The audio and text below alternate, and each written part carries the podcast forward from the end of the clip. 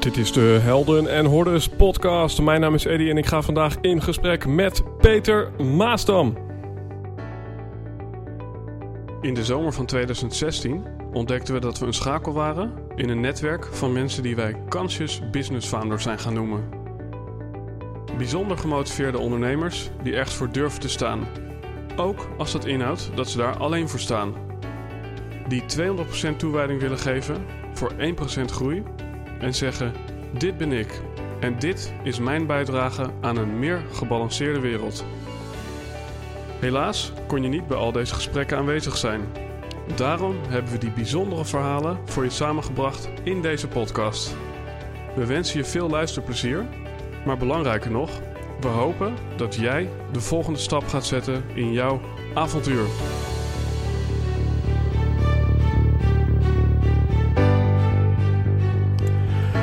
Zou zijn als ik deze ene podcast anders zou beginnen dan alle andere?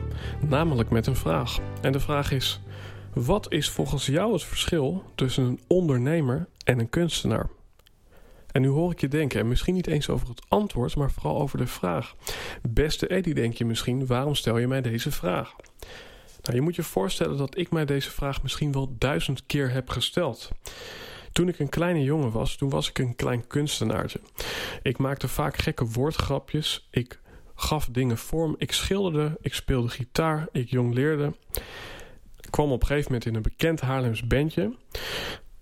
En toen werd ik wat ouder. En toen had ik een diploma en toen mocht ik gaan werken voor een baas, maar dat wou ik niet.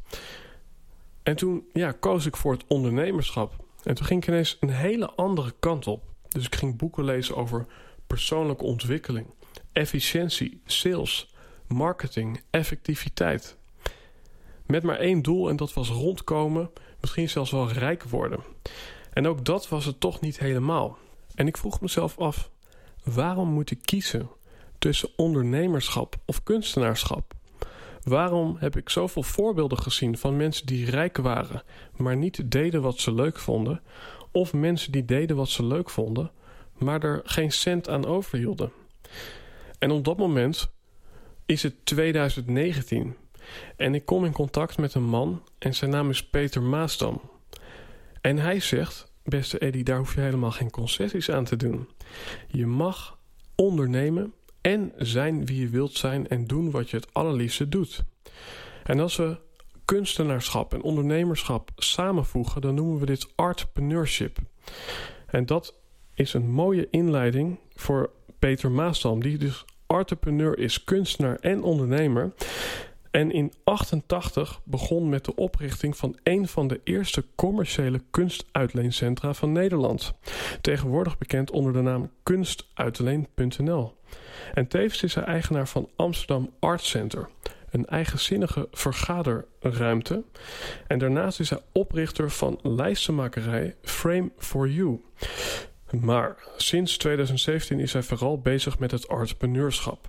Om het in Nederland op de kaart te zetten. Hij richtte de Entrepreneur Academy op en helpt creatieven om meer als een ondernemer te gaan opereren. Op het scherpst van de snede van authenticiteit en commercialiteit. Tune in bij een zeer inhoudelijke podcast voor kunstenaars die meer willen ondernemen en ondernemers die meer art willen in hun leven en in hun business, ladies and gentlemen. Peter Maasdam. Beste Peter, tof dat je hier bent aangeschoven. Dankjewel. Leuk om even te beginnen. Ik uh, haal zelf wel eens een anekdote aan dat ik hier met een uh, vitaliteitscoach uh, aan tafel zat. Mm -hmm. En op dat moment ging de bel. Okay. En toen was dat een vitaliteitscoach die iets te vroeg was voor de afspraak. Aha. En op dat moment, moment kreeg ik een appje met: Ik ben vitaliteitscoach. Ik zou graag klant willen worden. En toen vroeg ik aan de vitaliteitscoach: Wat doet dat met jou? Wat doet dat met jou dat nu eigenlijk in dit ene moment al drie mensen die op papier hetzelfde doen? Toen zei ik, stel, je staat in een markthal met wel honderd vitaliteitscoaches. Die hebben allemaal een bepaalde prijs. Die hebben allemaal een bepaalde kwaliteit. En ze zijn allemaal vitaliteitscoach. Waar onderscheid jij je dan nog op? En nu weet ik, jij doet uh, uh, uh, iets rondom ja, ik noem het eventjes de brug slaan tussen ondernemerschap en kunstenaarschap. Ja. En dan kan ik me voorstellen, ga ik meteen er diep in met je, dat we in de toekomst ja, steeds meer ruimte krijgen om onszelf creatief te uiten in ons werk, omdat bepaalde processen steeds makkelijker worden, automatisch gaan. Waardoor uh, we niet meer ons tijd hoeven steken in de afwas doen en uh, ons brood bakken. Maar Mhm. dat we op een gegeven moment allemaal gewoon kunnen creëren. Ma- making, creating a world shaking, zeggen we in deze podcast. Oké. En, en dan, ja, dan kom ik bij jou. En dan denk ik bij mezelf... Er komen steeds meer, mee, meer creatieven. En eh, ja, eh, er zijn daarmee dus ook veel meer kunstenaars. Ja. Eh, hoe hou je jezelf nog eh, staande anno 2000 nu? Nou, goed. Goeie vraag, ja. Ik pak mijn ja. aantekeningenboekje Ja. erbij. Ja. Nee, ja. Het, wat jij zegt, dat is, dat is gewoon waar. Er, is, er, is, er zijn er heel veel. Eh, er zijn heel veel mensen die de tijd hebben genomen en gekregen eh, van hun ouders of van zichzelf om, om hun creativiteit eh, bovengemiddeld eh, te willen ontwikkelen. En ook om het eh, bovengemiddeld te willen eh, uit, uitstralen, zeg maar. Mhm. En als je het hebt over mensen die niet alleen creatief zijn, maar ook hun geld ermee willen verdienen, wat, wat voor mij twee verschillende eh, eh, doelgroepen zijn, ja, dan, dan kom je erachter dat het vandaag de dag ontzettend veel meer mogelijkheden zijn om als individu zichtbaar te zijn, dus ook als eh, kunstenaar. Maar het is daardoor ook verdomd druk op plekken als Instagram en, en, en waar dan ook. Kijk, kijk het, het, het lijkt een soort negatief verhaal wat jij zegt. Maar aan de andere kant, vroeger eh, kon een kunstenaar als een eh, schilder niet om een gallery heen. Omdat hij niet eh, ja, de, de leverage of de, de, het netwerk had, zeg maar, om het in zijn eentje te doen. Mhm. Eh, nou, dat is ongelooflijk veranderd. Ja, je kan tegenwoordig dus echt zichtbaar zijn, je verhaal delen. eh, ja, je mobiel is absoluut geen mobiel meer, telefoon. Het is, het is, je kan filmpjes maken. De kwaliteit van de huidige filmpjes zijn ongelooflijk goed. En je hoeft ze niet eens zoals een aantal jaren geleden nog eerst naar je computer en dan. Het, kan gewoon met een druk op de knop kan het de wereld in. Dus er liggen ontzettend veel mogelijkheden. Ja, dus eigenlijk. Ik ben heel eigenlijk, positief dus eigenlijk. Nee, ja, ja, ik, Ja. ik weet ook niet of het negatief is, maar het is, het is inderdaad tweeledig. Want enerzijds kan je het in die metafoor... er zijn meer markthallen dan ooit. Mhm. Eh, maar tegelijkertijd eh, ja, zijn er dus ook meer mensen die daar met hun kruimpje staan. Dus het, Ja. het, het gaat Klopt. allebei een volume omhoog. Klopt. En, maar je hebt ook de andere kant en dat is je hebt klanten nodig gewoon. En ik heb zelf een kunstuitleen eh, gestart ooit. Ja, wij hebben het ook echt over, over, over muren en zeg maar. En over ja, behoefte op muren en zo. En er was op een gegeven moment een trend met glazen, glazen kantoorwanden, zeg maar. En dan merk je gewoon dat er minder muren zijn om kunst op te hangen, bijvoorbeeld. Ja, ja, ja. Dus ja, de, de aanbieders kunnen wel professioneler worden, maar je hebt natuurlijk ook eh, klanten nodig. En als het om kunstenaars gaat, muren in huizen of muren in bedrijven. Ja, meer Mhm. muren zijn er gewoon niet. Dus ja, er kan ook iets zijn dat de markt eh, ja, verzadigd wordt met eh, ontzettend veel aanbod, waardoor het.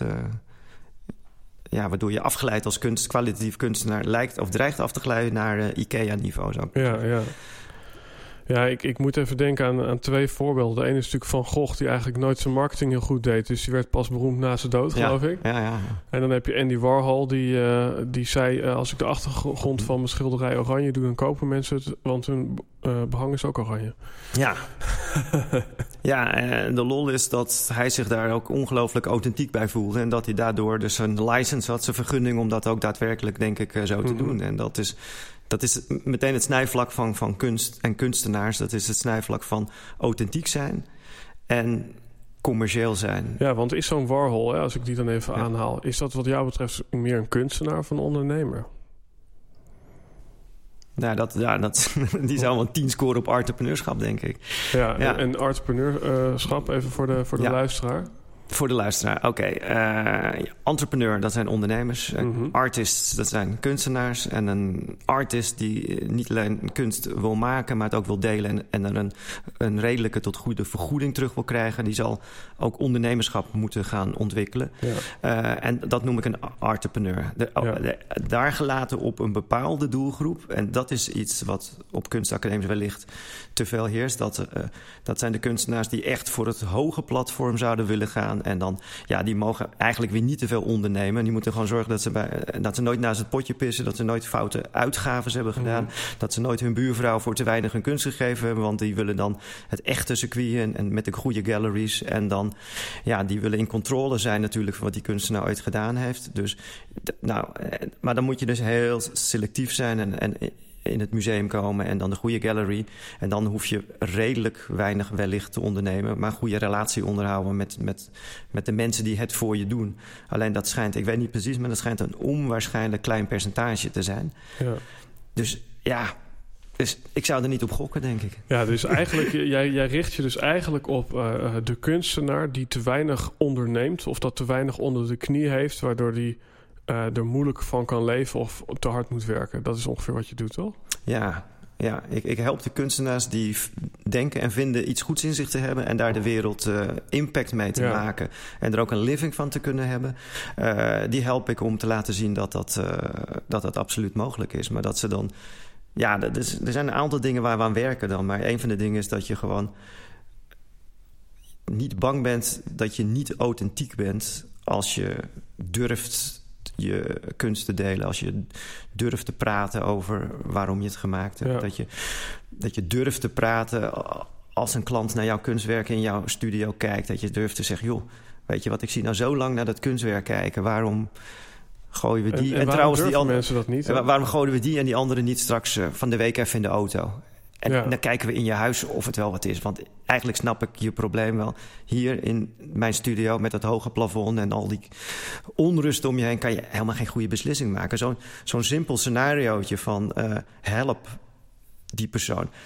En dat, dat, is, dat is een van mijn dingen. De kunstenaars zijn heel onzeker. Maar wat ik ze echt vertel, joh, hoe vaak kopen mensen kunst? Als mensen een mooie nieuwe muur hebben, dan kopen ze een mooi kunstwerk. Ja. Maar dat doen ze heel weinig. Dus als jij al onzekerder bent in dat hele proces dan de persoon die bij jou komt, ja, dan, dan laat je je, je, je, je laat ze een beetje barsten eigenlijk. En waar komt dat vandaan dan? Die, die, dat ze dat niet durven en zo onzeker zijn? Ja, mijn, mijn theorie is dat uh, kunstenaars geen schroevendraaiers uit China importeren. Waar je dan een soort objectieve kwaliteit over kan loslaten. Over de ijzeren, de greep en het plastic, zeg maar. Uh, ja, ze hebben een persoonlijk product. En een persoonlijk product betekent dat je geraakt kan worden. Op ja. het moment dat je het naar buiten brengt. Mensen gaan een idee erover hebben. Mensen gaan een oordeel hebben. Je familie, je eerst inner tribe begint al van... zo, je eerst durf jij dat ervoor te vragen? Of, en misschien is het maar dus een halve zin van iemand. Eh, maar dat kikt dan in. En de rest hoor je niet eens. Maar eigenlijk staat het dus, dus bijna zo dicht bij jou, dat product... dat je bijna kan zeggen, als, als het product wordt aangesproken... dan word jij eigenlijk geraakt in je ziel. Ja.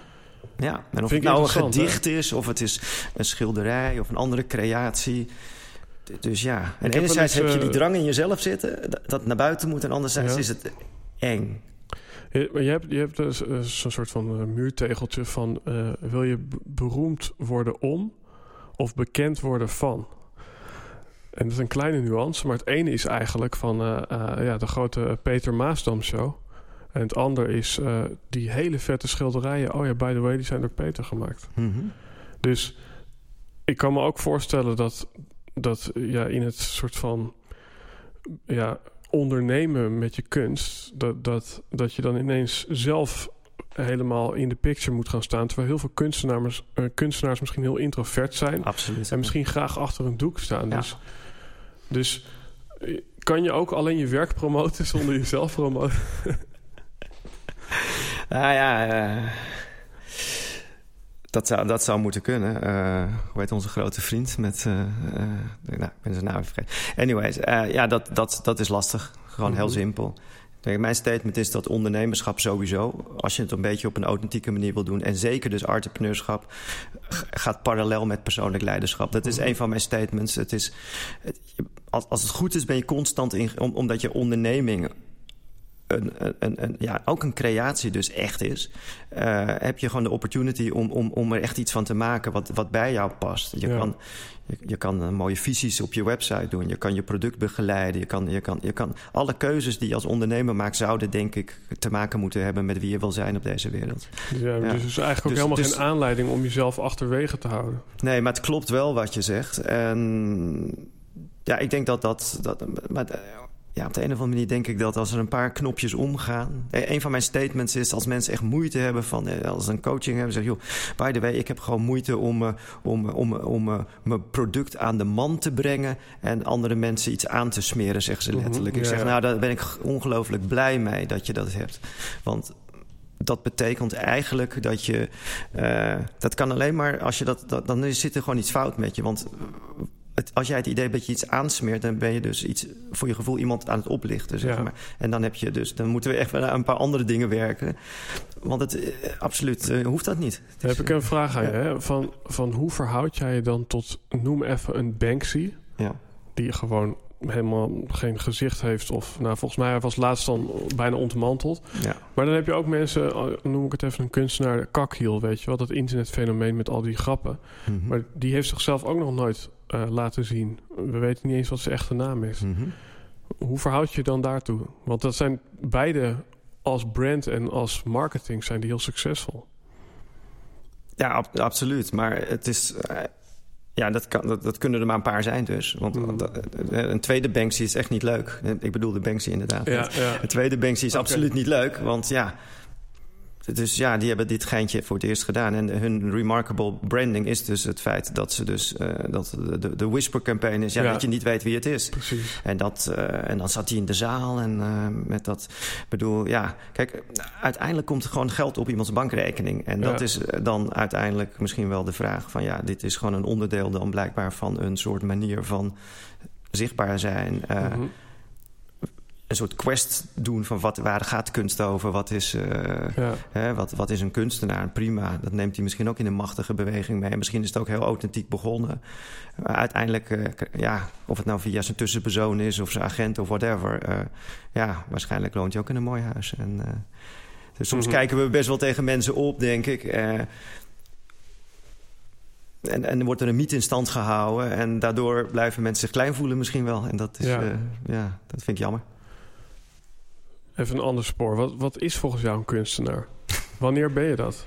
Oh, dat is een goede vraag. Ja. Want ik hoor je net, ik noem, ik noem even een voorbeeld. Eh, je, je zegt dat je heel veel fotografen hebt ondersteund. Hm. Ik heb zelf ook wel eens een foto gemaakt. Ook wel eens eh, eh, een betaalde foto gemaakt, zeg maar. Maar ben je als fotograaf een kunstenaar? Of ben je net zoals, noem even een tandarts... ben je gewoon een, een vakman? Nou, ja, je, je kan vakkundig zijn, denk ik. En een ambachtsman en een kunstenaar. Ja, ik, ik, by the way, ik, ik hou me hier heel weinig mee bezig met deze vraag. Dus ik vind het wel leuk. ja, nee, maar ik vind, ik vind het wel leuk. Maar kijk, als je, als je ziet dat... er je, je ziet vaak een soort overgang als je... Oké, fotografen hebben vaak websites. En Mhm. daar staat nogal wat op. Want ik doe dan... eh, ik kan je, je dochter portretteren. Dat is één, by the way, eh, een bedrijfsrapportage. Van als je mooie gebouwen maakt, kan ik ook doen. Je personeel kan ik mooi fotograferen. By the way, ik maak ook vrije producten als ik in Toscane ben. Dat vind ik ook best mooi. En die staan er ook allemaal bij. Qua positionering is dat lastig. Want ja, weet je, if you want to be everything for everybody... you end up with being nothing for nobody. Dus je bent niet echt aan het... Vanuit de klant gezien ben je dus niet aan het eh, profileren... als een expert op dat gebied. Ja. Maar je vraag is wanneer ben je kunstenaar? Ja, dat, dat zou dan...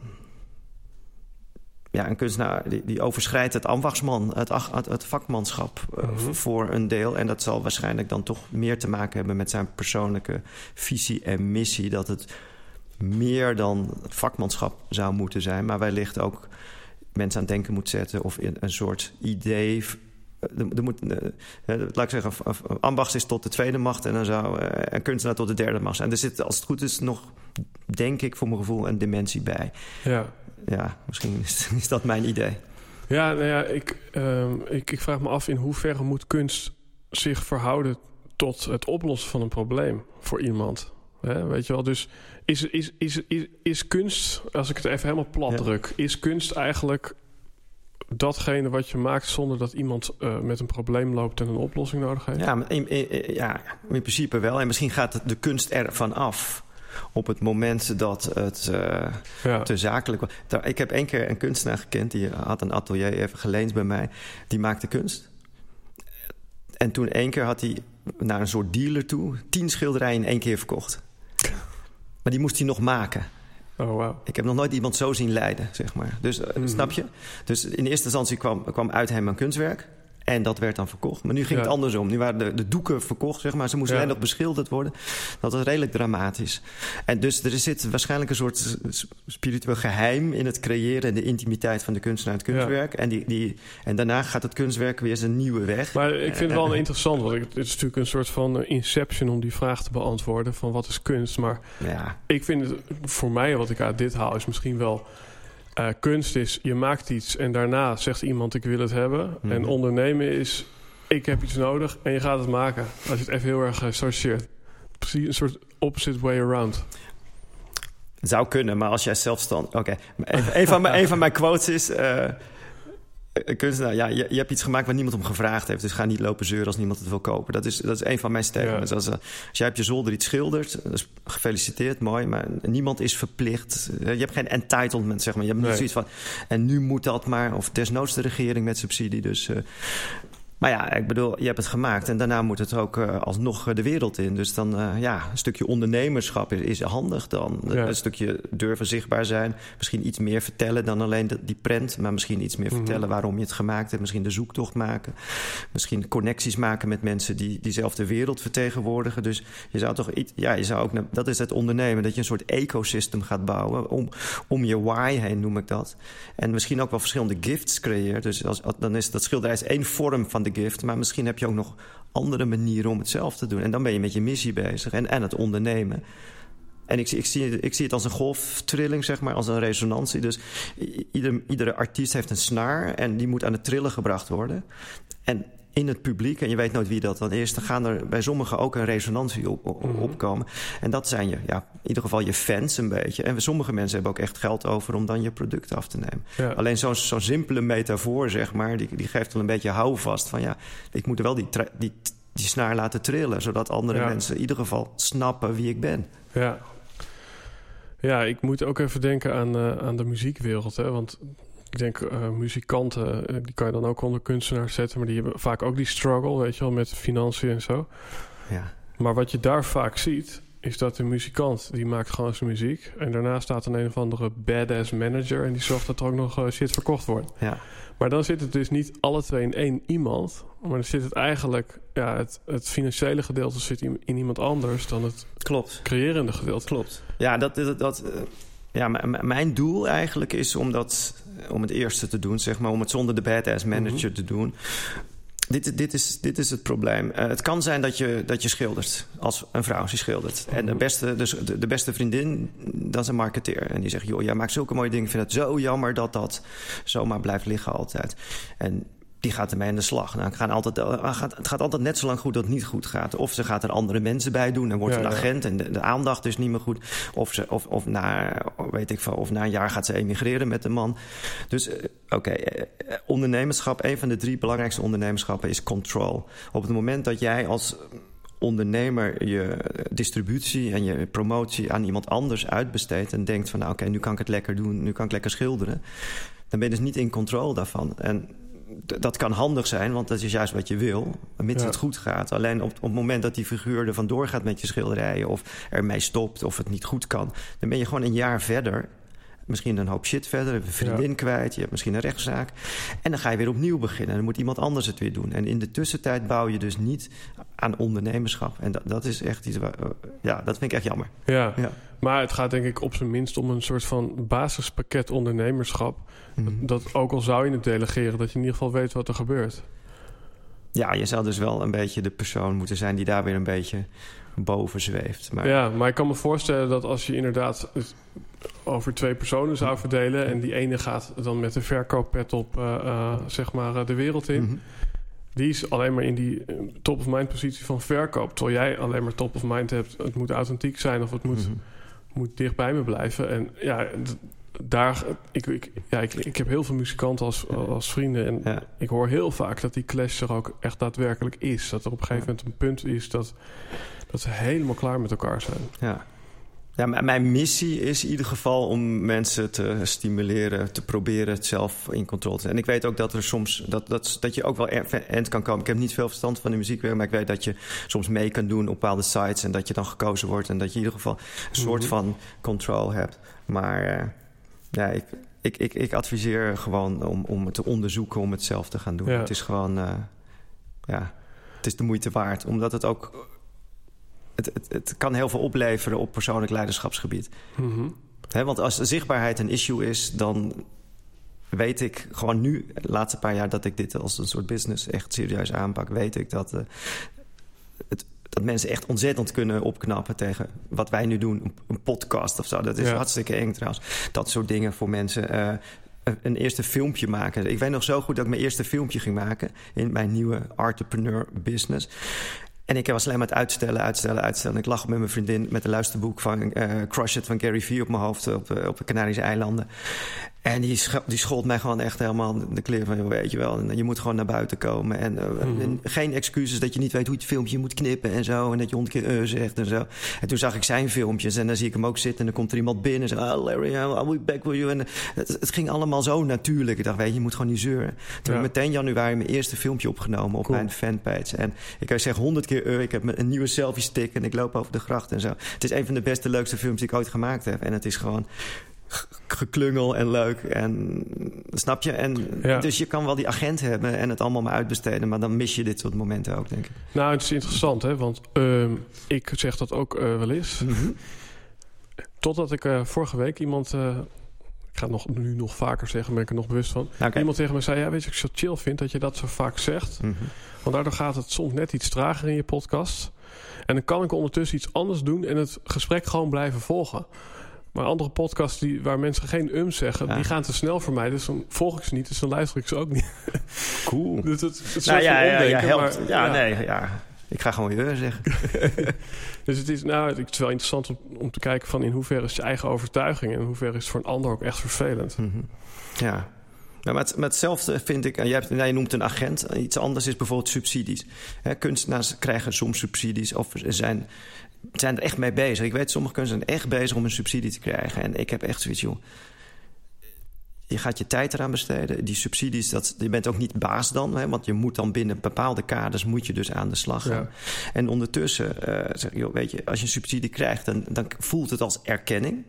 Als je hem niet krijgt, voel je je weer miskend. En ik zeg, joh, wees blij als je hem niet krijgt. Want als je hem wel krijgt, dan ben je drie maanden van je padje af. Je bent je dingen aan het doen. En dan dan, dan, ben je dus verslaafd aan een subsidie. Dan moet je weer als een junk achter die loketten aanlopen jagen. En je bent weer drie maanden niet bezig geweest te communiceren naar mensen die gewoon jouw uh, why, zeg maar, de, de, ja. jouw, jouw story waar je mee bezig bent, om, die, om, om gewoon je in control te komen van mensen om je heen te verzamelen en dus groei te creëren. En echt, stel dat je dat drie jaar doet op een soort consequente manier, dan begin je gewoon langzaam gewoon ja, iets te worden met mensen die dat leuk vinden. En als je die loketten langs jaagt, ja, dan ben je gewoon junk, zeg maar. Ja. Andersom kan die ook, hè? Uh, ik bedoel, we zitten hier met heel veel ondernemers vaak aan tafel. Ja. En ik kan me ook voorstellen dat er heel veel ondernemers zijn... die te weinig kunst in hun pakket hebben. Aha. Herken je dat ook? Ja, ken, ken je die mensen? Nou, wat leuk is, is, is kijk, ik, ik vlieg de entrepreneur aan als zeg maar de entrepreneur toevoegen aan de kunstenaar. Maar ja, ik zie een hoop saaie ondernemers gewoon. Ja. Ik zit nou in, in public speaking-achtige dingen, uh, ook in Engeland, en ik zie daar ook een ongelofelijke hoop saaie, saaie seminars gewoon. Het is altijd ja. dezelfde stoeltjes, altijd, altijd zo'n kamertje onder de dag, altijd dezelfde tapijt en zo. Dus how to create a remarkable product. Ja, en nogmaals, als je een accountant bent, zeg ik ook van joh. Kijk, iedereen gaat ervan uit dat de accountant goed is gewoon. Dus hoe, hoe onderscheid je? Je kan je alleen als mens onderscheiden en met jou misschien je persoonlijke interesses. En stel dat je koffie echt te gek vindt, zeg ik dan. Mm. Nou ja, ga een barista-cursus doen, knal een mooi cappuccino-apparaat en, en je zegt uh, beste man, voordat we beginnen, wil je een latte macchiato, latte macchiato, wil je een flat white, zeg het maar. En je krijgt een waanzinnige koffie. En opeens kom je bij andere ondernemers, net ja, weet je, we hebben allemaal wel goede accountants, maar die van mij, joh, die maakt koffie, dat is echt gewoon super gaaf. Weet je, je kan gewoon lol maken. Dat, misschien is dat het. Ja. Je kan gewoon veel meer lol. Ja, jullie hebben ook een mooie plek hier trouwens, maar. Ja, maar jullie hebben ook een ruimte gecreëerd waar je blij ja. van wordt en waar je, waar het fijn vindt te zijn. Mensen doen bedrijf. Ze spelen professionaliteit, zeg maar. Ja. In plaats van authenticiteit. En, het kan veel verder gaan. Je hoeft die stropdassen echt helemaal niet meer zo om oh, en zo. En, uh, nee, maar... Ja, nee, ik snap het. En, ja, het is maar, een opportunity ondernemen om er iets van te maken. En, en je, ga eens wild, ga eens, doe eens wat gekkers. Maar ik denk de, de, de twee clichés die, die, die nog steeds wel uh, heersen... Is, is een kunstenaar, dat is bijna in sommige ja, plekken een, een scheldwoord... Mm -hmm. Want ja, een kunstenaar is iemand die vaak niks verdient en uh, vaak in uh, oude broeken loopt en uh, iets te veel drinkt of rookt en niet zoveel vrienden of verkeerde vrienden heeft. Weet je wel, maar over ondernemers, weet je wel, eh, gewoon eh, volwassenen die, eh, die eigenlijk kinderen zijn in stropdassen. Dat zegt Paul Smit zo mooi. Ja, dat verhaal bestaat ook. Het zijn denk ik beide eh, eh, twee uitersten. Maar ik denk dat die groep die, die jij nu aanboort... en ik, Mhm. ik, ik benader hem denk ik vooral vanaf die ondernemerskant. Van, Mhm. Ik ben een ondernemer, maar ik wil altijd dingen... op een bepaalde creatieve en authenti- authentieke manier doen. Ja, Maar dan, ja, dan moet je gevoelsmatig soms concessies doen aan, aan, aan, aan je business gezond houden. Omdat je misschien net iets minder gaat rekenen. Of Mhm. je zegt nee tegen een klant, ook al heeft hij veel geld. Mhm. Weet je wel? Dus ik denk dat er ook heel veel mensen naar luisteren vanuit de ondernemerskant. Ja. Die, die iets meer soul in hun, in hun business willen. Mhm. Zonder dat ze daarmee eh, aan het eind eh, van de maand eh, ja, Ja. op zwart zaad zitten. Ja, maar jongens, je gaat alleen maar meer verdienen. Dus het is heel, nee, maar een simpel voorbeeld. Ik, ik, Oké, ik ben in de crisis verhuisd naar een gigantisch, waanzinnig oud pand bij, naast het Telegraafkantoor. Echt een waanzinnig gebouw. Ik heb daar een vergadercentrum ben ik daarin begonnen, een compleet out-of-the-box ding. En ik, ja, ik ben ook een dagje ouder. En ik, weet, je, ik heb helemaal geen zin meer om, om een soort van nette kleren aan te trekken. En ik ben gewoon de grote directeur. En ik loop in mijn, in mijn, in mijn lage kruis joggers en mijn, eh, weet ik veel, mijn Essex Tigertjes en zo. En ik vind het alleen maar leuker worden, leuker worden, leuker worden. Ik heb mijn platencollectie staan. Ik draai voor de UWV plaatjes. Ik ben gewoon de joker. Ik ben de joker daar. De manager zegt, by the way, de eigenaar is, er vanmiddag. Eh daar ben ik dan. En als u het leuk vindt, zetten we geen Spotify-lijstje op. Maar eh, wil hij de oude classics van Duran Duran, Tits for Fears, weet ik Sister Sledge en de hele kleren zo uit mijn jeugd. Gewoon mijn platen Mhm. die ik vanuit mijn krantenwerkje gekocht heb. Ik, hoe meer ik mezelf hoor, hoe meer ik verdien gewoon. Dus, eh, het, dus ja, Ja. omdenken. Eh, ja, het gaat alleen maar leuker worden voor mensen. Want je bent een professional, daar ga ik vanuit over de mensen waar we het nu over hebben. Dus dat zit wel goed. Mhm. Maar dat is de, de inhoud, zeg maar. Maar er is net als taal. ta- Taal heeft een inhoud en een betrekkingsaspect, zeg maar, de con- context. En ja, de context, dat is uiteindelijk vaak veel belangrijker zelfs nog. Hmm. Een heel raar, heel raar verhaal. Mijn, mijn, moeder, oké, mijn moeder heeft last van haar hart. Mhm. En die, die komt bij, heb net gesproken, en die is bij een dokter en zo. En het is heel weird. Zij is 84 nu. Ik heb door, iedere keer als zij eh, praat over een doktersbezoek... het eerste wat ze zegt... Ja, ik heb nu die nieuwe dokter, die vrouw. Daar ben ik zo blij mee. Dat is zo'n goed mens en ze luistert zo goed. Ze neemt me serieus.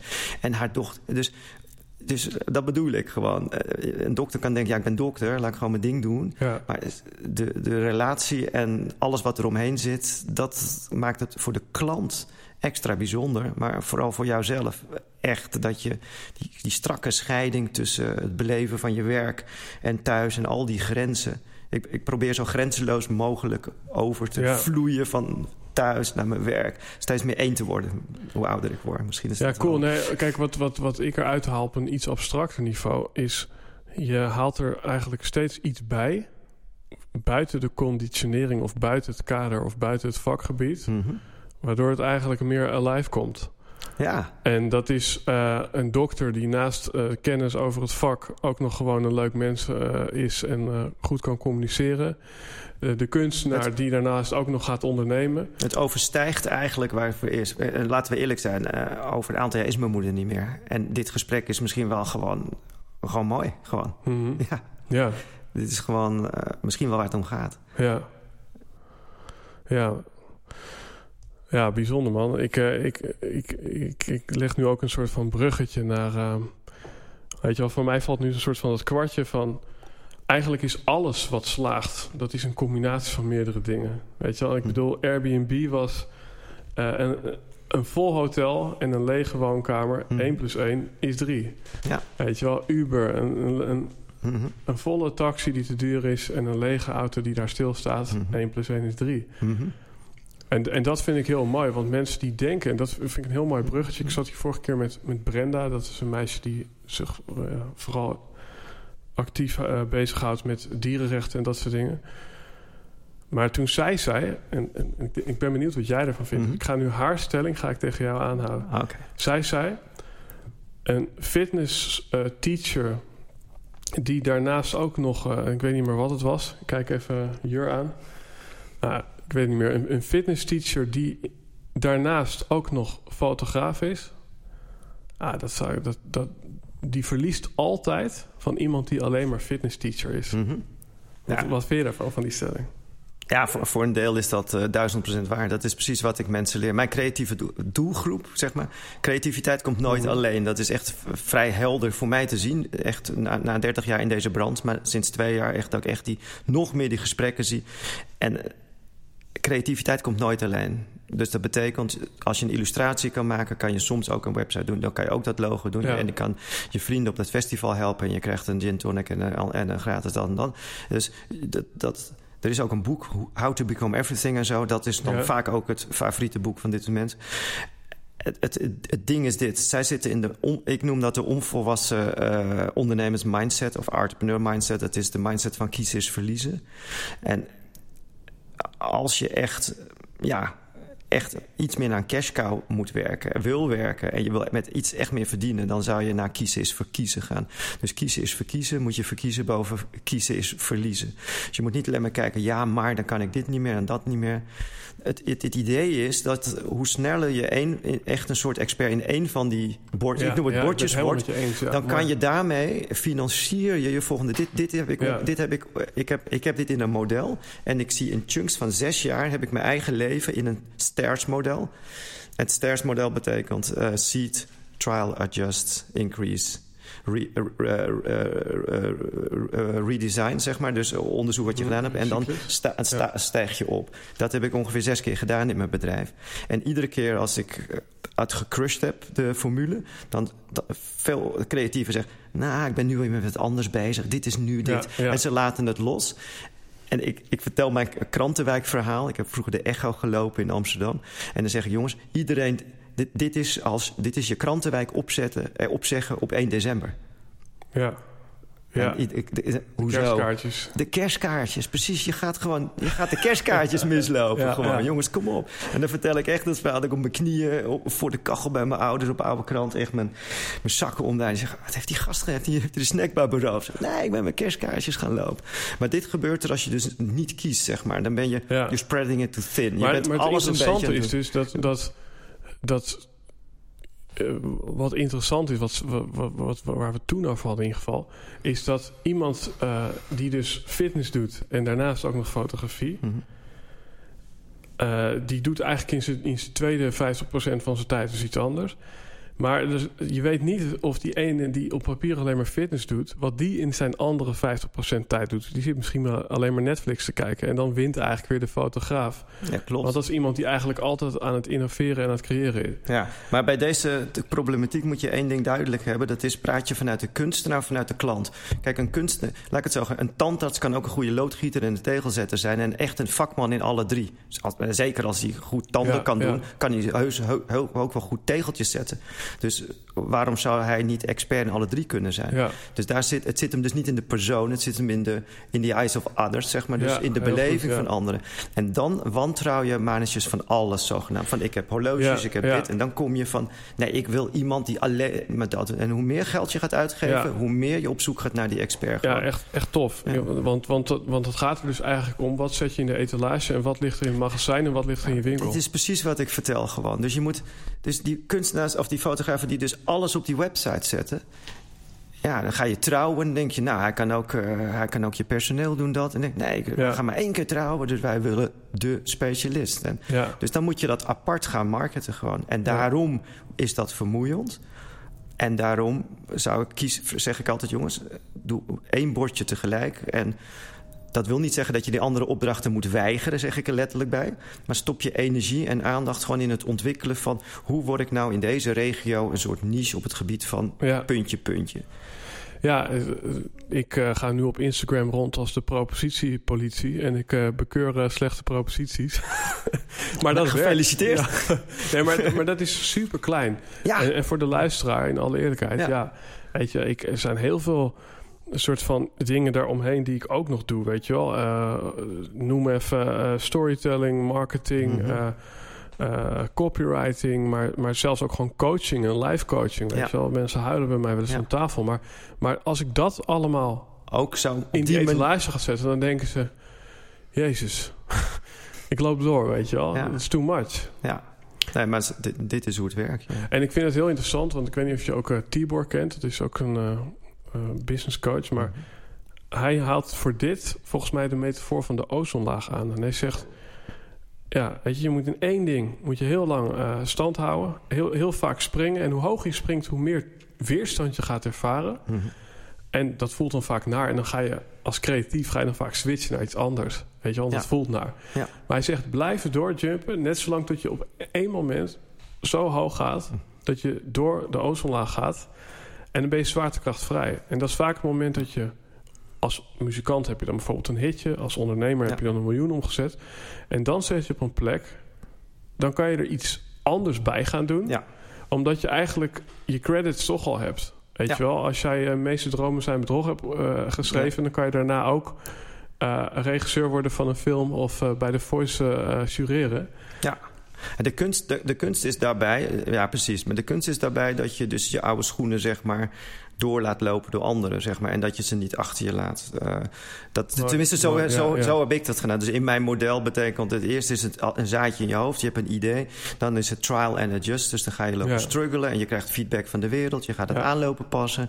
En dan is het uh, increase. Dus als je de code gekraakt hebt, zeg maar. Ja, dus als ik een telemarketinggesprek kan voeren. eh, En ik, het wordt drukker. Dan kan ik dat door andere mensen laten doen. Mhm. Dus dan hoef je niet meer echt dat hele zware onderzoek te doen. Je weet dat de tarieven goed zijn. Je weet hoe je, het, hoe je de aanbieding is. Je weet hoe je een factuur moet sturen. Je weet de order picking, dat soort dingen. Uh, ja, en vanaf dat moment ga je kijken, wat hebben we, ga je increasen. Daar ben je nog heel actief in bezig. En dan stap je achteruit en dan zeg je... oké, stel dat ik nu in de hangmat in Bali ga hangen... maar ik wil wel met een goed gevoel hangen, met dezelfde kwaliteit... dan ga je dus processen opschrijven, in ieder geval dingen. Mhm. Uh, en en dan, uh, ja, dan krijg je dat er een manager op zit... of dat het vanzelf een beetje gaat. En dan, Ja. dat is de stap dat, dat je met een, een gerust hart... Ik heb het Amsterdam Art Center opgezet. En met een gerust hart kon ik dit nieuwe ding, entrepreneurschap, op de kaart zetten. En de tijd ervoor nemen, investeren Ja. erin. En creativiteit uh, gedijt heel slecht met stress. Dus Mhm. een van de dingen die ik echt aanraad is om, om, om gewoon iets te... ze hebben altijd een job on the side vaak ook. Ja. Maar dat is prima gewoon. Want je, moet de, je kan niet zeggen... Sommige, Oké, sommigen hebben zoiets... Ik heb mijn huis verkocht, ik kan een half jaar overleven... en dan wil ik van dit kunnen leven. En die Ja. schilderen dan iets... En dat zou het moeten worden. Ja, en dat raad ik echt af, want dat is echt niet, uh, niet handig. Eh, even van mens tot mens. Hè. Ja. Jij beschrijft nu, eh, ja, ik noem het even een strategie en een, ja, een, visie of een eh, stappenplan. Maar ik kan me voorstellen dat, dat jij als mens en, de luisteraar eh, die, die dit hoort ook. Er komt natuurlijk een moment in zo'n proces dat je echt denkt: ik heb helemaal geen zin meer. Want mijn hoofd heeft al lang iets uitgevonden wat tien keer zo vet is. Um, by the way, um, als ik nu kijk van hoeveel ben ik ermee gegroeid, vind ik het eigenlijk ook nog een beetje tegenvallen. Hoe ga je daarmee om om dan toch door te beuken? Dat, dat, dit is de essentie van het voor, voor, voor heel veel ondernemers, denk ik. Ja. Nou ja, sommige ondernemers kunnen iets verkopen als het passief genoeg gemaakt is dat er de goodwill in zit. Dus dat er waarde in zit zonder de ondernemers eh, involvement, zeg maar. Dus de overwaarde, zeg maar.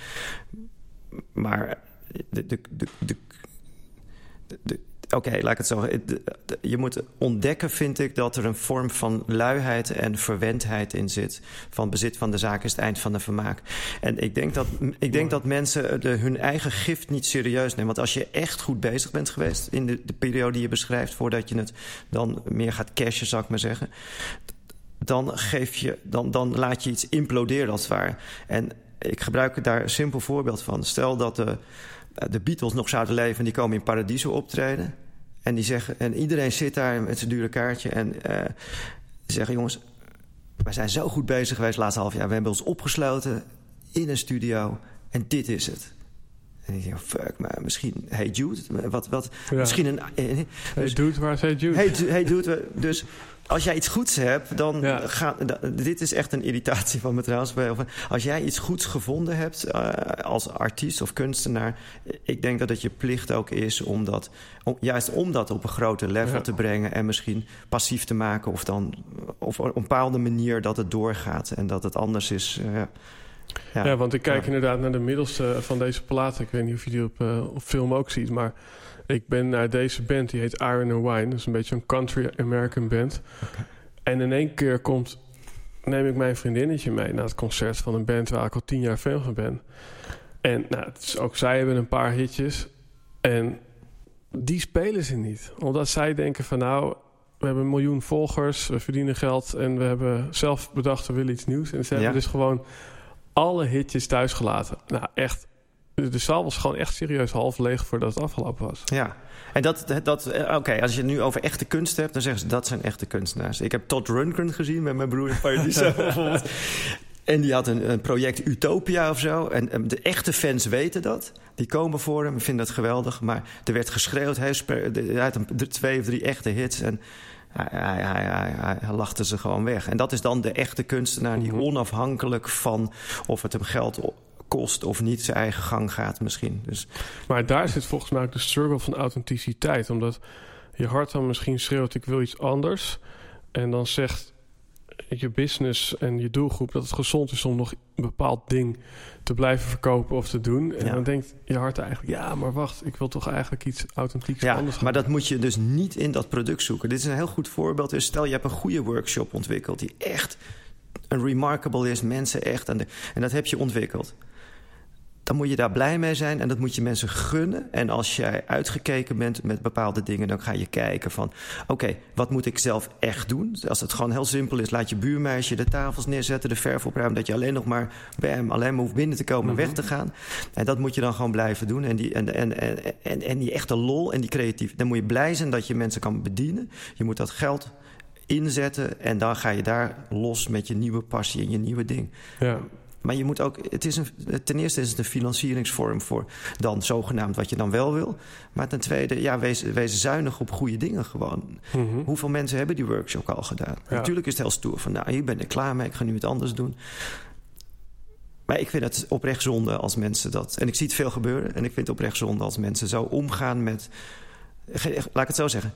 Dit doet een normale ondernemer niet. Dit. Wat jij nu beschrijft, dat doet een normaal. Niemand geeft, gooit een goed lopend product zomaar weg. Of als ze veel research en development gedaan en mensen hebben iets gevonden, dan gaan ze heus nog wel even een stapje door om het eh, tot een serieus product maar, te maken. Maar ik, ik, ik uh, was op de vrijingspop hier in Haarlem en daar was uh, Van Dikhout met Zo Stille Mei. Nou, volgens mij haten ze dat liedje echt. dus, dus, ja, weet je, ik, ik vind dit een heel interessant punt. Want hier is inderdaad echt die spanning van... ga je dat liedje wat je zelf echt niet meer kan horen, ga je dat nog zingen. maar je weet dat iedereen daarvoor komt. En, maar ja, heel mooi wat je Maar dan ben je dus niet meer connected met eh, het moment dat je het ooit gemaakt hebt en wat het voor mensen betekent. En dan, misschien moet je dan gewoon mee stoppen, jongens. Ja. Of laat het cover iemand die beter kan, Johnny Cash of zo. Ja, nee, maar. dus uh, zit je in de shit, uh, bel Johnny Cash. en dan gaat je cash weer lopen. Nee, maar ik denk dat, dat, dat... Ik vind dit een hele interessante. Want jij zegt eigenlijk van zoek het niet in dat product. Maar gebruik dat product eigenlijk ook als middel om je business gezond te houden. En je financiën gezond te houden. En ga daar omheen innoveren. Ik heb ook wel eens iemand horen zeggen... verander je marketing en niet je product. Weet je wel? Uh, want in je marketing uh, kan je ook dingen testen of uitvinden of ontwikkelen. Die misschien ooit zelfs een product gaan worden. Maar dan mhm. heb je nog steeds het product waar je aan vast bleef houden. Ja. Maar je kan het misschien ook wat copy morph doen dan misschien. Dan dat er wel, dat je het, oké, dat je het een beetje verandert omdat je zelf de lol inhoudt. Ja. Ik heb zelf ook free events geef ik. En ik vind het bijvoorbeeld heel leuk om dezelfde reden dat dat nogal een template is. Maar ik vind questions and answers, daar heb ik er zelf aan toegevoegd. Terwijl dat eigenlijk niet aangeraden wordt op een free event. Omdat je dan kwets, kwetsbaar wordt. En mensen zouden die achteraf nog kunnen onderuit halen en zo. En dat, dat heb ik er echt bij als een cadeautje voor mezelf. Ja. Om op gewoon om, om te connecten Zoals met de hier eigenlijk. Ja, vind ik echt super, super leuk. Ja. Even naar jou, hè. Jij, uh, jij hebt nou ja, je, je kunt het nu helder uitleggen van blijf bij een product wat werkt. Weet je, ik zou dan ook nog zeggen van in plaats van dat je kijkt wat wil ik en wie ben ik, eh, waar ik het zelf vaak over heb, is uh, wat kom ik brengen. En dat vind ik ook een mooi uitgangspunt bij deze van als jij een gift hebt en je geeft het niet, weet je wel. Uh, weet je, the, the, meaning of life is to find your gift, the purpose is to give it away. Zoiets was het mhm. geloof ik van Picasso. Maar heb jij dit dan zelf ook ondervonden? Heb jij zelf wel eens afscheid genomen van een succesproduct waar je later spijt van had? Omdat je, omdat je creatieve kant toch iets nieuws wou? Nee, ik ben in 2005 echt gaan schilderen, zeg maar. Maar mijn bedrijven zijn gewoon... eh, ja, ik, ik ben pionier geweest in kunstuitlijnen in Nederland, zeg maar. Als een van de eerste commerciële kunstuitlijnen. Dat is... Pionieren is per definitie... eh, hoe werkt het? Hoe werkt het? Eh, hoe, hoe, kan je je collectie zichtbaar maken in een bedrijf? Denk je, ja, die komen naar jou toe. Hè? Dat doen ze niet. Eh, hoe, hoe kan je inspraak geven als je kunst op kamers hebt? En er was nog geen internet Mhm. en er was nog niet... de- Dus ik heb met mijn ouders kaartjes zitten plastificeren. Want op een gegeven moment kon je niet meenemen wat je had. En dan had je boeken met kaartjes. Eh, wat is service? We dachten, joh, we- gooien die kunst op de stoep en ze hangen het op. Nee, maar dat, dat, een bedrijf wil wel klant worden... maar je moet complete service bieden. Wat is het tarief daarbij? Hoe, hoe vaak willen ze omruilen? Eerste, echt, dit was echt pionier. Mijn eerste prijslijst was één keer kunst omruilen per kwartaal... en één keer per half jaar. Nou, nu is het één keer per jaar, per twee jaar of per drie jaar. Maar dit is 100% pionier en dat is Ja. geweldig leuk. En ik heb, ik heb er geen afstand van hoeven doen... om de simpele reden dat mensen het werk doen. En Ja. ik ben toen uiteindelijk eh, zelf kunst gaan maken. heb het Amsterdam Art Center gedaan. Dus ik, ik zorg dat ik, ik... Ik werk... Het is exact zes jaar iedere keer. En Mhm. gedurende die laatste... Gedurende vier jaar, weet je... Dan, dan, dan kondigt zich het volgende alweer aan. Alleen je moet het goed achterlaten... zodat andere mensen Ja. het goed doen. Want anders vernietig je je eigen kapitaal... en Ja, wat je uitgevonden precies. hebt. Maar we hebben het hier ook vaak over duurzaamheid. En ik vind een duurzaamheid, dan denken we meteen aan CO2 en zo. Maar ik Mhm. vind duurzaamheid ook van...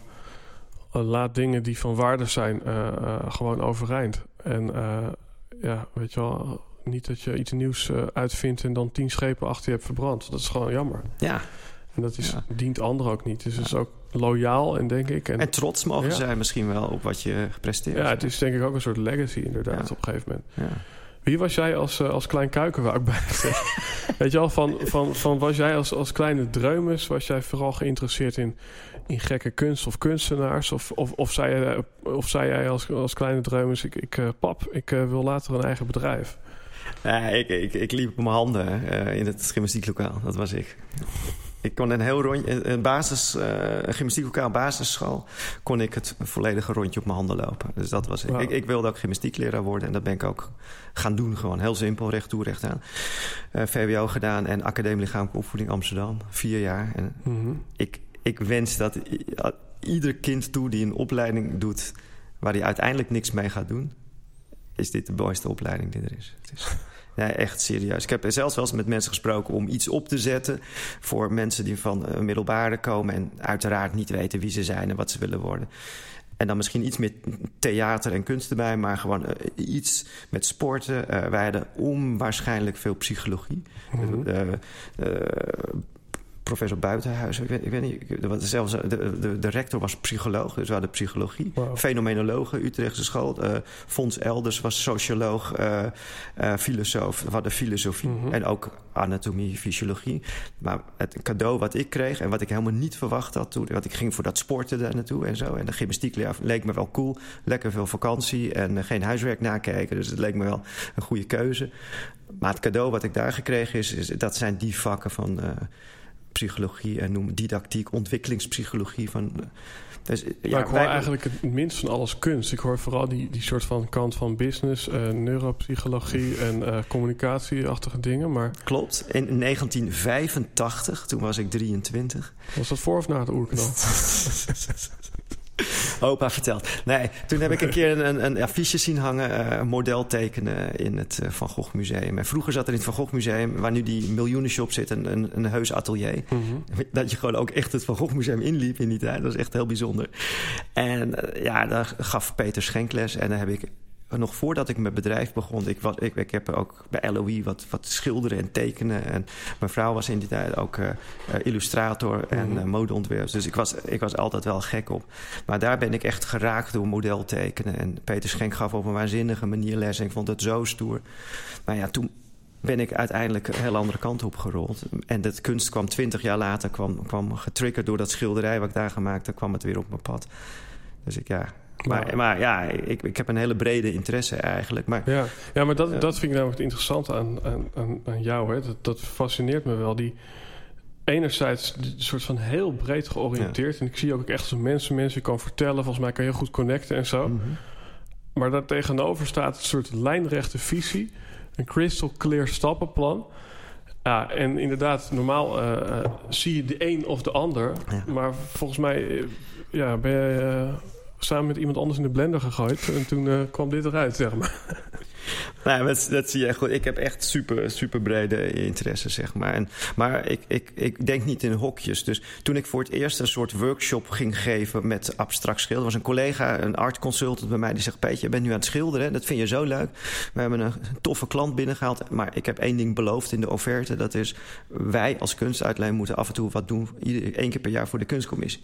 Ik zeg, oké, ja, dus we dachten dat jij dat wel in je atelier... want ik heb een groot atelier in mijn bedrijf dus weer zitten. Dus dat is weer. Zei, ga jij met die mensen schilderen? Leer ze schilderen in de middag, je doe wat.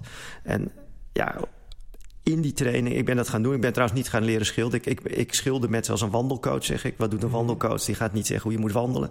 Dus ik zeg, ja, wacht eens even, dacht ik. ik ja, ik dacht, ik heb ooit goed getennist. En toen ben ik tennisles gaan geven. En ik dacht, wacht eens even, wat gebeurde er toen? Ja, tennisleraren vinden uiteindelijk tennis helemaal niet meer leuk. Je ziet ze eigenlijk nooit meer potjes spelen. En als ze het doen, zijn ze gefrustreerd... omdat tempo's eruit, blad hangt achter, het voetenwerk wordt lui. Dus ik dacht, wacht eens even schilderen heb ik ontdekt nu. Dat, dat is mijn ding gewoon nu.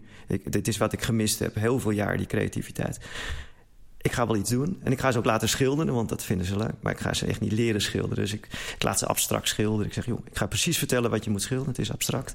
En iedereen, oh, wat is dat dan? Nou ja, en ze gaan helemaal los. En ik gebruik het als een metafoor voor het leven. En daarin gebruik ik onder andere psychologie, les, die, dat bedoel ik te zeggen. Opeens kwam de lessen van de gestaltpsychologie, dat poppetje mhm. met dat smiley. En als je dat mondje eigenlijk omdraait, dan worden die, pret, die pretoogjes worden uh, uh, ja, gemene Chinese oogjes. Bij wijze van spreken, dat zegt. Maar oh, de, de kunst is om niet in hokjes te denken. Alles wat in je zit, zit in je.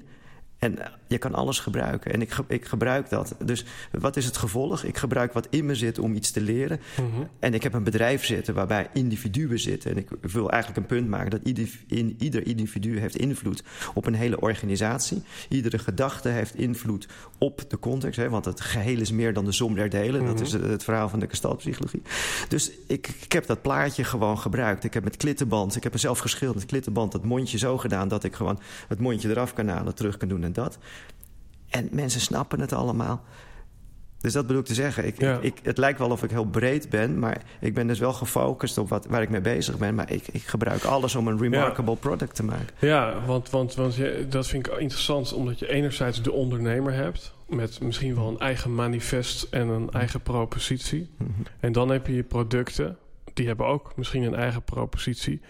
Maar wat je vaak ziet is dat het product en daarmee de visie of de propositie daarvan heel erg in lijn liggen met die van de ondernemer zelf. Weet je wel? Mhm. Want je kan eigenlijk het DNA van, uh, van Apple, uh, ja, als, als je dat uiteenzet, dan kom je bij Steve Jobs zo ongeveer uit. Mhm. Dus in, in hoeverre zijn al jouw producten heel erg Peter? Ja, best, best wel. Als ik, kijk, wat, wat ik ik, ik vind je moet overdeliveren gewoon. Mhm. je, je, je, moet, klanten verrichten jou iedere keer opnieuw weer een dienst als ze met jou in zee gaan. Dus als wij als kunstuitleen uh, bij een bedrijf binnenkomen, we zijn de kunst aan het ophangen en iemand zijn, iemand zijn, uh, zijn kalender staat er nog, weet je. Het is al gauw gewoon all the way. Pak die kalender, hang hem op. Uh, en niet zozeer omdat dan de directeur dat wel te horen krijgt en dat we hopen dat ze daardoor minder snel het contract opzeggen. Dat, dat moet gewoon in je DNA zitten. Het mhm. Amsterdam Art Center precies hetzelfde gewoon. Het moet gewoon echt ja, echt, echt gewoon goed zijn. Gewoon. Het, is, moet gewoon leuk zijn. Dus, dus op die manier heeft, het mijn, eh, de, heeft alles mijn DNA. Ja. En ben je, ben je ook nog veel bezig met, met je personal brand? Doe jij echt uh, werk om bij jezelf naar binnen te gaan, om jezelf te herdefiniëren en weer contact te maken met uh, vanuit welke essentie je dingen doet? Ja, ja absoluut.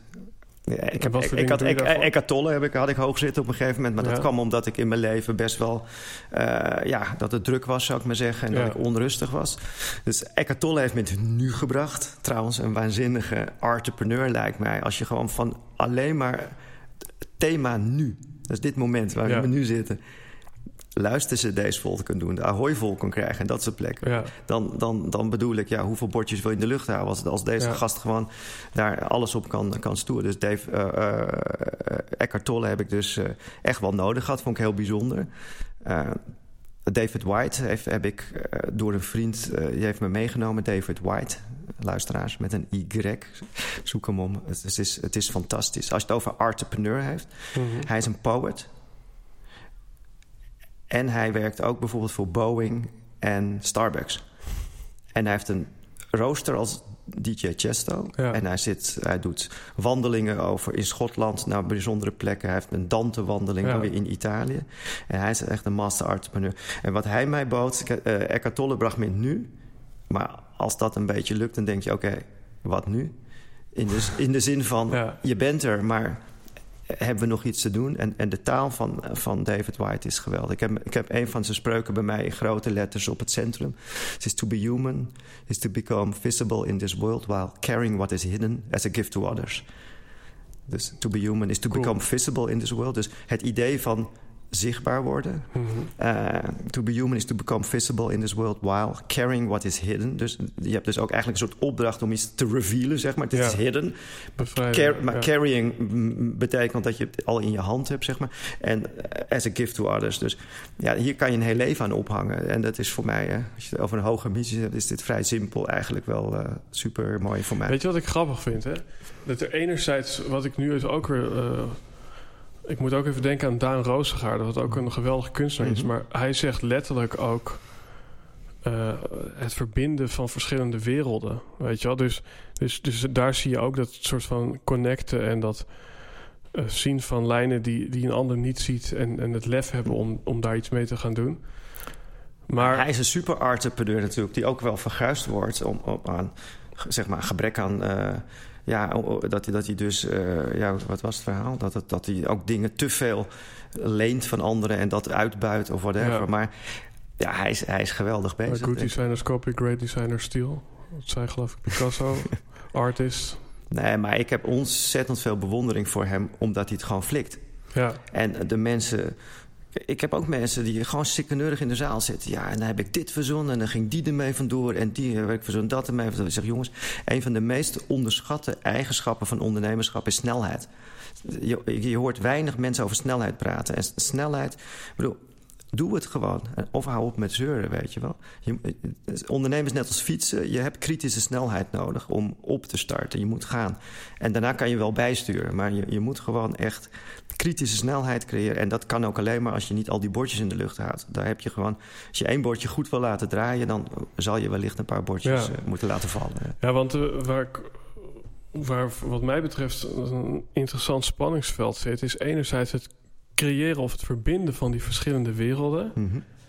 Maar anderzijds uitkomen op iets wat super kernachtig is... en wat ik in mijn methodiek een watermeloen noem. Dus iets wat zo visible en duidelijk is als een watermeloen.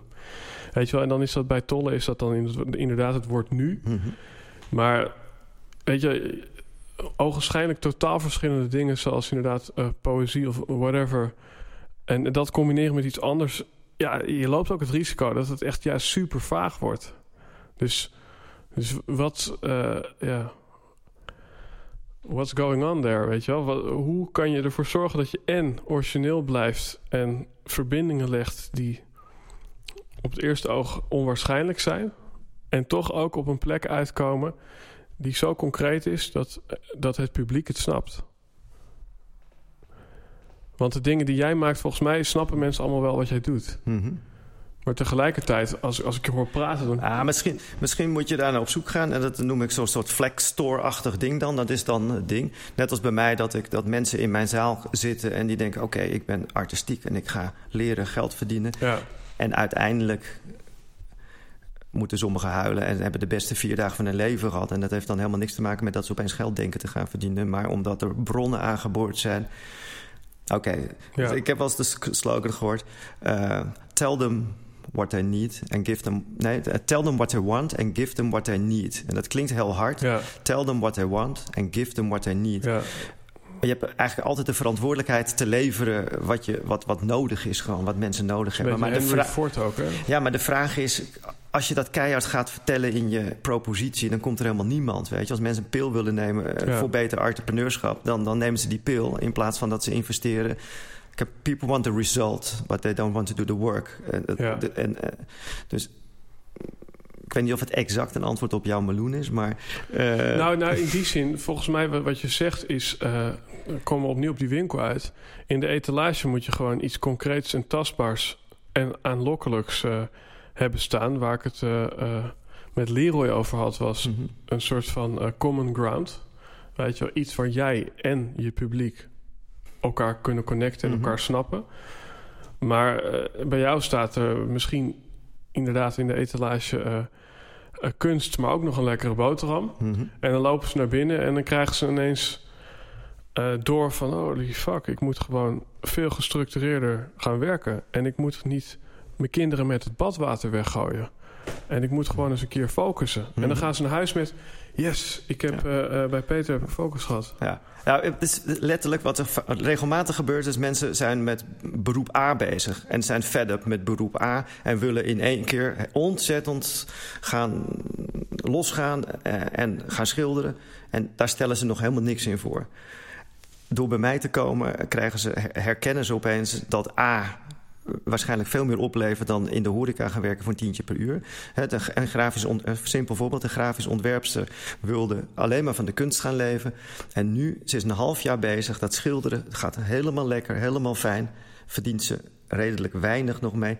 Dat websites bouwen, en dat was met verzekeringen, eh, verzekermaatschappijen en zo. Ze haalt nu de ene naar de andere klantbusiness binnen. Ze bekijkt het weer nieuw. Ze ziet waarom dat iets moois voor haar is, want dat stelt haar in staat haar droom te verwezenlijken. Dus die hele, dat hele weerstand is weg en. Zij zien ook hoe het opschaalbaarder wordt, hoe het beter kan. Dus de principes die ik geleerd heb, die passen gewoon wel toe, mm -hmm. maar op de oude business. En de nieuwe business kan rustig nu uh, uit de grond gaan komen. Ja, maar dat is ook interessant. Want ik heb ook gehoord dat statistieken uitwijzen dat het eigenlijk altijd de tweede business is die je start, die succesvol wordt. En de eerste -hmm. leer je vooral hoe het niet moet. en wat ik ook interessant vind is, jij zegt eigenlijk tell them what they want, give them what they need ik had van die T een keer een S gehoord. Sell them what they want, give them what they need. Uh, komt op hetzelfde neer, maar dan heb je Henry Ford, zeg maar, aan het begin van deze eeuw, die zei: geef mensen niet wat ze willen, maar wat ze nodig hebben. Ja. Dat klopt wel. Want maar... hadden ze een snelle paard, wilden ze toch hebben, in plaats van een auto. Precies. Ja. En dat klopt wel, maar op het moment dat je Als mensen, in je etalage weet... uh, uh, uh, al gaat zetten wat ze nodig hebben in plaats ja. van wat ze willen, dan lopen ze door. Ja, je, ja, je moet ze op hun droom verkopen, ja. zeg maar. En, en, want want, want, want dat, dat, dat, dat, dat zorgt dat ze de move maken, klopt. Ja, ja en dan ja. is het laatste wat je eigenlijk zegt... van weet je, dat je op zo'n event misschien iets leert... is ook weer een mooie quote, en dan hou ik op hoor. Maar the reason you go to an event is probably another one... than you think you go to that event. Ja. En dat is bijna altijd zo. Je ja. gaat met iets naar huis, weet je wel. En dat, dat is die blinde vlek waarschijnlijk. Dat, want anders had je het al opgelost waarschijnlijk. Al. Dus, ja. En dan kom je op de vierde en dat is uh, Einstein met de oplossing zit altijd op een andere plek dan het probleem. ja, en teachers always teach what they want to learn more. Most. Ja. Die kan je eraan toevoegen. Wat, wat heb jij nog te leren hè, als we dan die brug even slaan? Want, want, want het klinkt hier van, nou ja, je hebt een aantal succesvolle producten mm. gelanceerd. Je bent zelf een, uh, een, een ja, een goed voorbeeld van een entrepreneur. Mm -hmm. Maar we zitten hier ook in de Helden Hordes podcast. Ja. Welke, welke obstakels of hordes ervaar jij op dit moment nog? Zijn die er? Wat is op dit moment nee, ik, ik zit nu in, ik zit, ik zit nu in een fase van mijn leven waarin het best uh, heel goed met me gaat. En dat betekent dat ik ongeveer een soort anderhalfjaars vooruitblik heb. Het niet een -hmm. vijf jaar of een punt aan de horizon en dat soort dingen. Ik, uh, mijn, mijn, grootste missie is create a life you can call your own. Don't just create art, create a life you can call your own. Dus een soort. Dus gebruik, ga niet zomaar kunst maken, maar zorg dat het een onderdeel is van jouw ecosysteem, van jouw own alle shit, de goede dingen, alle, en, enzovoort, enzovoort. En daar ben ik eigenlijk best wel goed in aan het worden. Dus uh, ja. ik, ja, deze missie die ik nu heb, die, ik ben een boek aan het schrijven. Dus dat is, en dat heb ik nog nooit gedaan. Dus dat, dat, dat, is, dat is spannend. Ja. Want ik, uh, oké, okay, in mijn middelbare school, op de lagere school al, als, als je het hebt over public speaking, voorlezen, uh, taal, dat was niet echt mijn ding. Als de meesten zeiden, als we een geschiedenisboek hadden en toen was het heel hip om zo'n geschiedenisboek paragraafjes doen om kinderen uit de klas te laten lezen. Dan wist, hè, als een meisje naast met de paarden staat, zo zat te kwispelen. En dan wist ik niet als een die leraar aan beurt gaat, hoe, hoe, diep ik onder mijn bureau uh, moest wegduiken. En op de middelbare school heb ik echt trauma's gehad met mm -hmm. doelbewust lezen met meneer Muller. Heren, heren, maar verhalen bij de centrale verwarming. Zwaarmoedige verhalen bij de centrale verwarming. Dan weet je één keer in de tijd, weet je, voor moest je voorlezen. En dan, ja, paniek sloeg mij toe gewoon. Dus wat dat betreft, ja, ik, ik ben heel trots wat ik bereikt heb. Dat ik voor, ja. voor 200, 300 man nu redelijk comfortabel weet te staan. En denk je dat daar... je die weerstand nodig had om te komen waar je nu bent? Weet je wat, dan kom je op de klassieke vraag ja, van... Ja, word je door pijn of door passie gedreven? Ja. Kan je, kan je een groeispurt maken zonder dat je eerst flink op je, op je mel bent gegaan? Ja, de uitdrukking is, uh, ja, uh, zorg dat je... En dat geldt voor mij ook. Zorg, zorg dat je passie en zorg dat, jou, uh, dat je dromen groter zijn dan je obstacles, zeg maar. Dat, dat, dat is het ja. gewoon. Je kan niet en een grote boodschap willen uitdragen en ja, alleen maar achter een microfoon zitten, bij wijze van spreken, en niet ja. zichtbaar zijn. Dus met, met mijn. Dus, dus ja, ik wil master entrepreneur. Of ik wil de entrepreneur expert van Nederland worden. Die plek ja. heb ik gewoon geclaimd, zou ik maar zeggen. Er was helemaal ja. niemand. Ik ben er gewoon gaan staan, psychisch. Dus nou, nou, nou, nou, moet ik maar een beetje accepteren wat erbij hoort, denk ik. Komende jaar. Ik vind het heel spannend. Ik, ik, doe, ik weet dat ik het vijf, zes jaar doe, dit.